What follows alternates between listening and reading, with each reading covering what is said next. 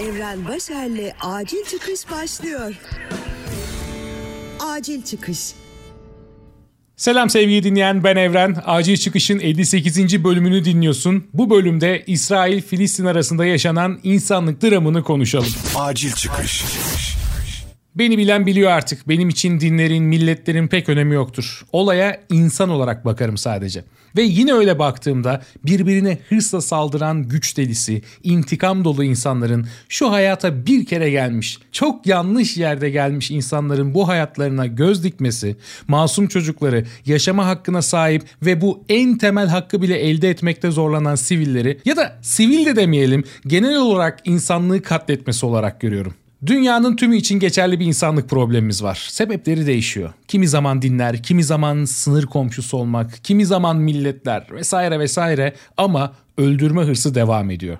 Virüslere aşı bulunuyor ama bunların aşısı yok maalesef. Geçen bölümde o kadar andım yine anayım. Banu Avar deyimiyle küresel güçler, savaş lordları, silah satıcıları, petrol şirketleri, savaştan, ölümden beslenen kim varsa da bundan mutlu oluyor. Ülkeme dönüp baktığımda ise sadece Müslümanların başına bir şey geldiğinde ortaya çıkan dostlar görüyorum. Bu dostlar saçma sapan kıyaslamalarla ortaya çıkıyor. Tavşan Ralph'i paylaşanlar neredesiniz? Bu insanların hayvanlar kadar değeri yok mu diye iletiler atıp olayı başka bir yere çekiyorlar. Sanki hayvan hakları için uğraşanlar insan haklarını umursamıyormuş gibi. Hayvanlar bir gün ayaklanıp kendi haklarını savunmaya başlamadıkça birileri elbette onların yerine daha çok ses çıkaracak. Bir yanlışı başka bir yanlışla kıyaslayarak insanları eleştirmek bana saçma geliyor. Ayrıca bu arkadaşları iyi bilir, takip ederim. Tavşanları bir kenara da bırakalım. Kolombiya devleti yolda yürüyen insanları daha geçen hafta katlediyordu. Biriniz çıktı bir şey dedi mi, bir şey paylaştı mı? Kolombiya Müslüman olmadığı için mi sessiz kaldınız? Haritada yerini bilmediğiniz için mi? Hiç mi haberiniz olmadı orada olanlardan? Kısacası sevgiyi dinleyen bunun sonu yok. Din millet ötesine geçmedikçe bunu insanlık sorunu, her canlının yaşam hakkına saygı meselesi olarak bakmadıkça birbirimizi böyle suçlayıp duralım. Sen şuna ses çıkarmadın, sen buna ses çıkarmadın diyerek birbirimize saldırıp duralım. Hiçbir şey fark etmez etmeyecek. Ego tatmini bunlar. Bir halka, bir insanlığa üzülmek değil. Mescid-i Aksa yanarken dans edip eğlenen o insanlar da bizim aramızda aslında. Onlara kızgınlıkla bakan ama tersi bir durum olsa dans edecek, içten içe çılgın mutlu olacak kişilerdi. Olaya belki çok yukarıdan bakıyorum. Genel bir görüş içerisindeyim. Olayların elbette dini hassasiyetler, politik sorunlar, ince ince incelersek sosyolojik durumlar da olduğunu görebiliriz. Var tabii ki de.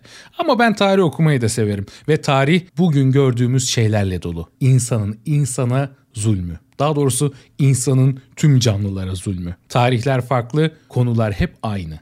İskenderiye Kütüphanesi'ni yakıp bilimi yıllarca karanlığa gömenler de, Sivas'ta oteli ateşe verenler de, Mescid-i Aksa dışında her ne kadar özel bir günü kutluyor deniyor ama cami orada yanarken umarsızca dans edenler de aynı kişiler. Hangi din ve millete ait olduklarının bir önemi yok gerçekten. Bunları söylerken aklıma çok sevdiğim bir yazar olan İsrail kökenli Yuval Noah Harari'nin 21. yüzyıl için 21 ders kitabında yazdıkları da geldi. Bu kısım için en azından İsrail tarafında çocukların nasıl yetiştirildiğini, nasıl eğitim aldıklarını anlamamız ve olaya bir bakış açısı daha getirmek açısından önemli olduğunu düşünüyorum. Kitabın alçak gönüllülük bölümünde Freud'un annesi başlığı altında şöyle söylüyor Harari. İsrailli çocuklar genellikle 12 senelik eğitimlerini dünya tarihi süreçlerine ilişkin net bir kavrayış edinmeden geçiriyor. Çin, Hindistan ya da Afrika hakkında neredeyse hiçbir şey öğrenmiyorlar ve Roma İmparatorluğu, Fransız devrimi ve 2. Dünya Savaşı hakkında dersler alsalar da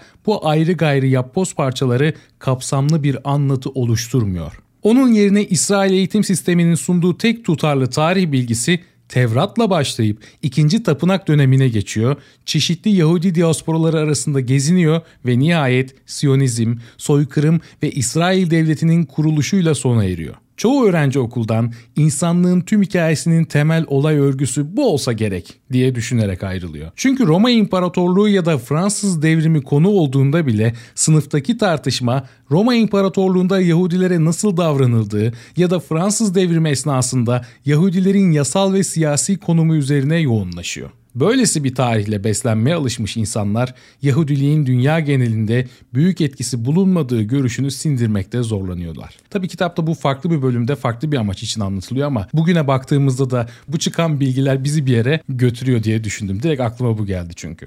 Şimdi bu şekilde eğitilen bir çocuğun ileride ne tür düşüncelere sahip olacağını düşünürsünüz. Tüm dünya düşman size. Düşünsenize sadece bu amaçla büyütülüyorsunuz. Büyük ihtimal o yolda ilerlemeye karar verirse yani kitapların o şekildeki eğitimin yolundan ayrılmazsa duvarın orada cami yanarken dans ediyor olacaktır. Ne olacak ki? Sadece İsrail tarafına bakmayalım. Tabii Müslüman çocuklar çok mu değişik eğitiliyor? Peki ya bugün Türkiye'deki eğitim ve öğretim nasıl? Çocuk ders kitaplarımızda neler var? Bizim çocuklarımız son 20 yıldır neleri öğreniyorlar? Bunları da ayrıca bir sorgulamak lazım. Uzatmayacağım. Doçent Doktor Veysi İçeri'nin özet tweetiyle bu bölümü kapatıyorum acil çıkışta. Dini veya ideolojik tüm aşırılıkçı hareketler birbirinin birebir aynıdır. Çünkü bağlandıkları din ya da ideoloji farklı olsa da bağnazların saplantılı bağlanmasına neden olan derin içsel dinamikler aynıdır. İçeride birileri yanarken dışarıda yamyam gibi dans eden kitleler hep vardı demiş. Maalesef sevgi dinleyen olmaya da devam edecek. Tarih hala bunu öngörüyor. Ufak düşünce kırıntılarımı bir araya getirdiğim 58. bölümünde böylece sonuna geldik. 59. bölümde görüşmek üzere sevgili dinleyen. Hoşçakal. Acil çıkış. Evren Başer'le acil çıkış sona erdi. Acil çıkış.